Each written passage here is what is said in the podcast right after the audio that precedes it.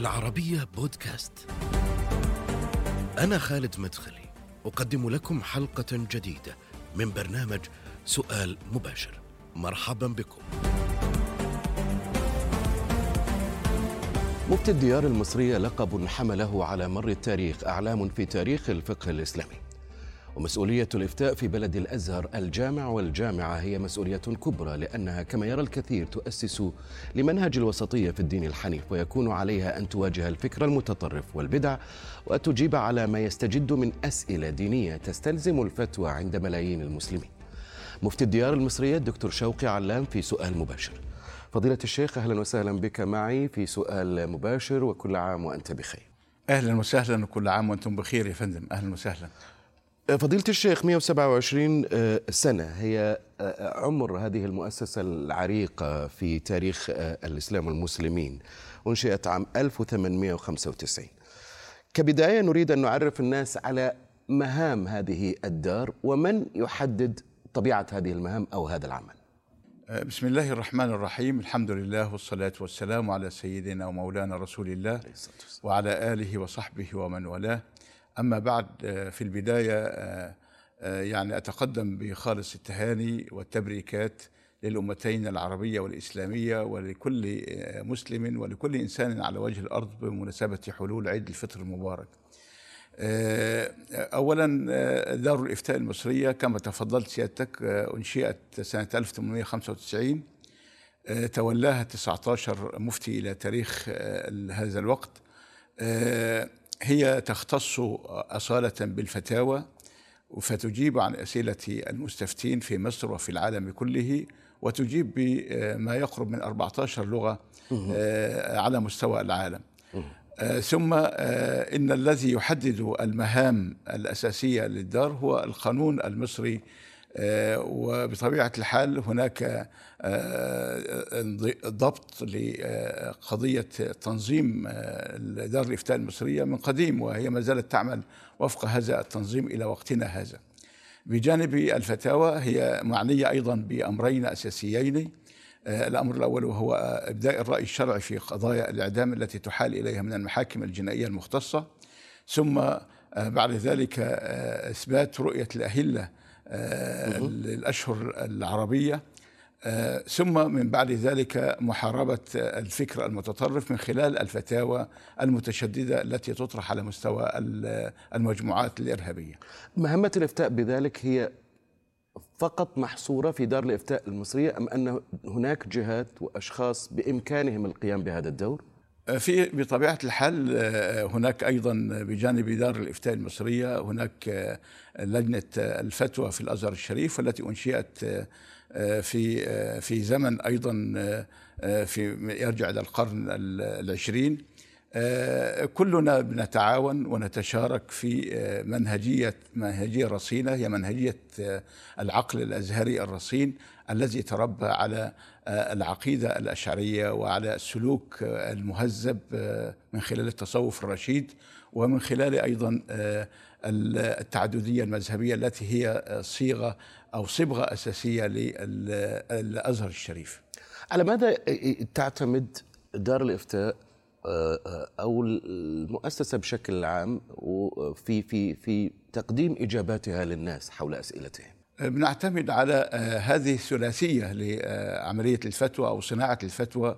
الثلاثية تعتمد على اولا التكوين العلمي وهو اعتبار العلوم المختلفة المؤدية إلى تكوين ملكة علمية رصينة ورشيدة بحيث إنها تتعامل مع الأدلة الشرعية تعاملا متكاملا لا تقتصر على دليل دون دليل بل تنظر في كتاب الله تعالى اولا ثم في سنة رسول الله صلى الله عليه وسلم.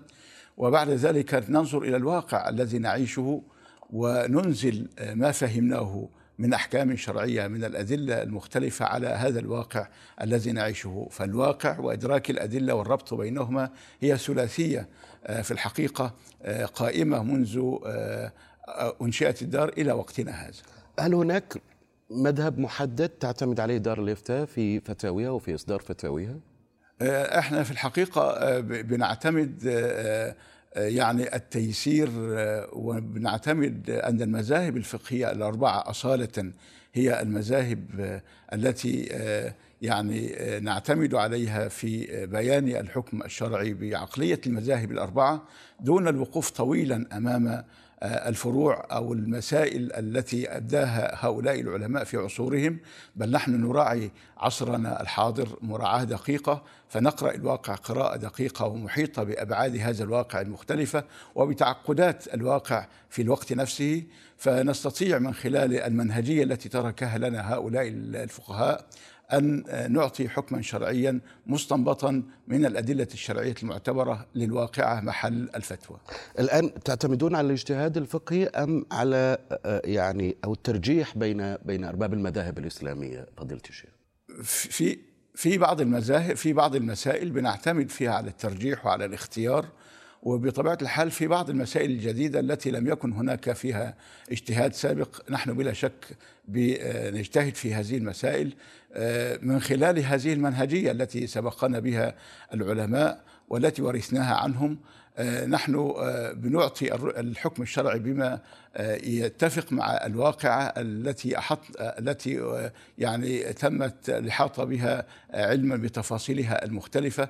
وقد نرجع في فهمنا لهذا الواقع إلى المتخصصين خاصة من أرباب الطب أو من أرباب العلوم المختلفة من الاقتصاد ومن الهندسة ومن غير ذلك حتى نستطيع أن نتصور الواقعة وبطبيعة الحال التصور هو أحد أركان الفتوى التصور والتكييف والحكم الشرعي ثم الفتوى بعد ذلك إلى أي مدى هناك انفتاح من قبل الدار على على مختلف الطوائف الإسلامية فضيلة الشيخ؟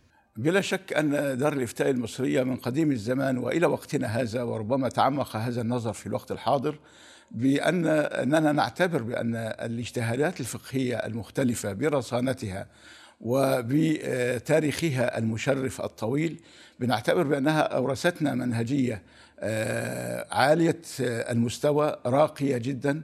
في أنها تستطيع أن تواكب العصر بقضاياها المختلفة. فبناء على ذلك نرى بأن الفقه الإسلامي باتساعه نراه بأنه يعد معينا واحدا. نستطيع أن نغترف من هذا المعين وأن نأخذ منه ما يعيننا على حل مشاكلنا الآنية والحالية والواقعة. كيف تتم عملية يعني اختيار المفتي الذي يقوم بالإجابة أو يتولى مسؤولية الإجابة على أسئلة الناس فيما يهمهم من أمور دينهم ودنياهم. هو نحن في دار الإفتاء المصرية عندنا إدارات مختلفة منها إدارة الفتوى الشفوية وإدارة الفتوى الهاتفية والإلكترونية وإدارة الفتوى المكتوبة وإدارة البحث البحوث الشرعية وكذلك لجنة أمانة الفتوى. كل هؤلاء لا يجلس عندنا في دار الإفتاء المصرية أي إنسان على ويتصدر للإفتاء إلا إذا اجتاز أمرين. الأمر الأول وهو التكوين العلمي الذي يتم من خلال الشهادات المعتبرة من جامعة الأزهر الشريف أو ما يعادلها من الجامعات المختلفة. ثم بعد ذلك لابد أن يؤهل ويدرب تدريب خاص قد يخضع لسنة أو أكثر في دار الإفتاء المصرية وربما لثلاث سنوات ثم بعد ذلك يجلس ويقيم شيئا فشيئا ويعطى دورات مختلفة بحيث أننا نطمئن إلا أنه قبل أن ينطق بكلمة في الإفتاء إلى أنه أصبح مؤهلا لهذا الكرسي الذي يجلس عليه. إلى أي مدى هناك تنسيق بين دار الإفتاء المصرية ولجنة الإفتاء التابعة للأزهر الشريف في مصر فضيلة الشيخ؟ بلا شك هناك تعاون اولا تعاون تام بين المؤسسات الدينية المختلفة في مصر الأزهر الشريف والأوقاف ودار الإفتاء المصرية. بلا شك لما تجد سيادتك أن الذي يجلس على كرسي الإفتاء في دار الإفتاء المصرية وهو مفتي جمهورية مصر العربية أو مفتي الديار المصرية هو أزهري من حيث العقل المكون. فبلا شك ان أننا سنرى أن العقلية واحدة حتى وإن لم يعني تأتي الفتوى مشتركة. لكن ستجد أن الفتوى واحدة بمعنى أن الرأي فيها هو في الأزهر كما في دار الإفتاء المصرية مبني على قراءة الأدلة الشرعية قراءة صحيحة ثم بعد ذلك قراءة الواقع المعيش في مصر وفي غير مصر قراءة أيضا محيطة ودقيقة. هل هناك اختلاف أو تعارض بينكم وبين لجنة الإفتاء في دار الأزهر فضيلة الشيخ؟ في في مسائل معينة؟ في لا لا يوجد تعارض في القضايا الكبرى. لكن قد يكون في التفاصيل بالنسبة لحال المستفتي الذي يجلس أمامي قد يكون في حاله وظروفه غير المستفتي الذي يجلس أمام آه، حتى في دار الإفتاء المصرية يعني آه، قد يأتي السائل بسؤال معين ويجلس أمام أمين الفتوى ثم يأتي سائل في آه، بظروف مختلفة أخرى في نفس السؤال. إلى سائل أمين فتوى آخر فتجد أن الجواب يراعي حالة الشخص فالاختلاف إنما هو اختلاف لأجل أسباب تؤدي إلى تغيير الفتوى وليس في منهجية الفتوى في حد ذاتها. تسمح لي نتوقف معك فضيلة الشيخ في في فاصل قصير نعود بعده لمتابعة النقاش والحوار في سؤال مباشر. فاصل قصير ونعود.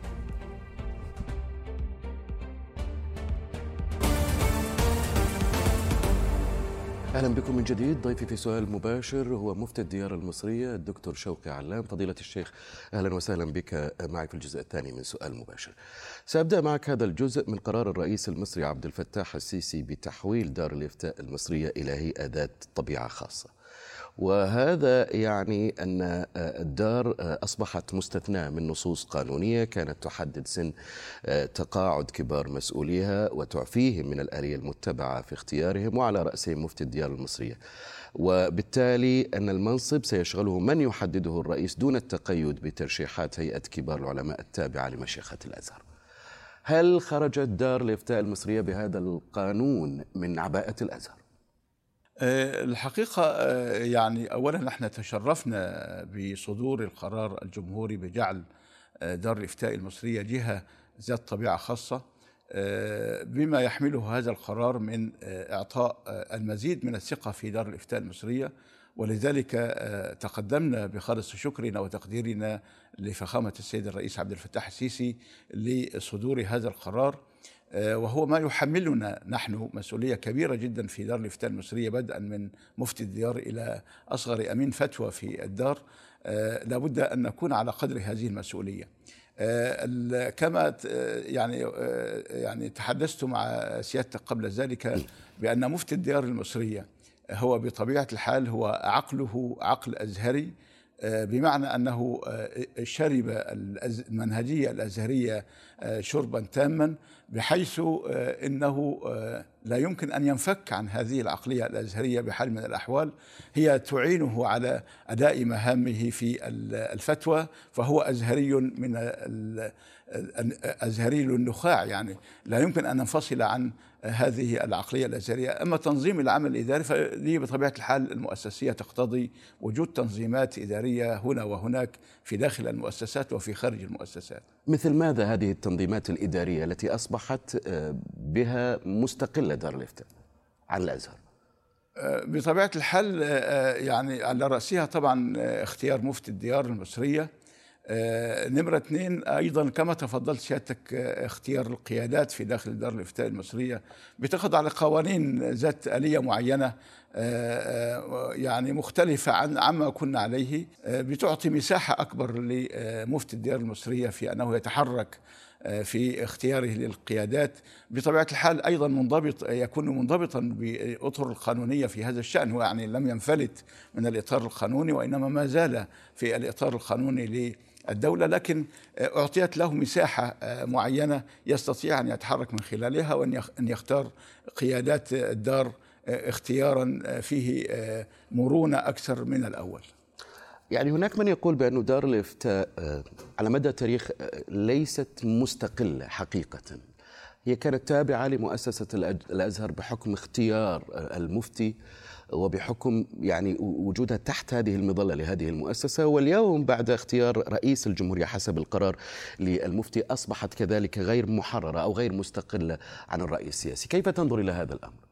لا لا بلا شك أن دار الإفتاء المصرية مستقلة في إبداء آرائها وفي إبداء فتواها من قديم الزمان إلى وقتنا الحاضر لا يوجد اطلاقا أي تدخلات في إصدار الفتوى من الأزهر الشريف أو من أي مؤسسة من المؤسسات. نحن مستقلون ويكفي أن أدلل على ذلك في أن آه، هناك رسائل تفضل. يكفي أن أدلل لسيادتك على هذا بأن هناك أبحاث علمية ورسائل علمية كتبت في آه، الداخل وفي الخارج. عن علاقة دار الإفتاء المصرية بمؤسسات الدولة المختلفة ومع ذلك هذه الرسائل أثبتت بصرف النظر عن التبعية الإدارية لكن التبعية الإفتائية لا هناك عقل أزهري مستقل يبدي رأيه في المسألة على نحو محايد تماما على نحو محرر. على نحو غير لا يملى عليه شيء في هذا الشأن. وبناء على ذلك الاستقلالية حاصلة سواء كنا تابعين في التنظيم الإداري لأي مؤسسة من المؤسسات فالفتوى مستقلة وأقولها وأنا في ارتياح شديد. يعني لو تعارض الحكم أو الرأي السياسي مع الحكم الشرعي أيهما سيقدم؟ أفهم من كلامك أن الحكم الشرعي هنا سيقدم على أي شيء آخر. بلا شك سيادتك الحكم الشرعي يبدى ويعطى بصرف النظر عن ال ال يعني أنا أفرق ما بين الإملاء وما بين النظر إلى المصلحة العامة.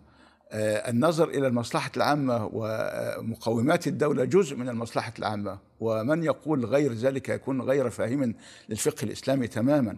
الفقه الإسلامي يعلي من شأن المصلحة العامة ويعلي من شأن المجتمع ويعلي من شأن الدولة. وبناء على ذلك إذا تعارضت المصالح الذاتية مع المصلحة العامة فبلا شك إجماع العلماء أن المصلحة العامة مقدمة.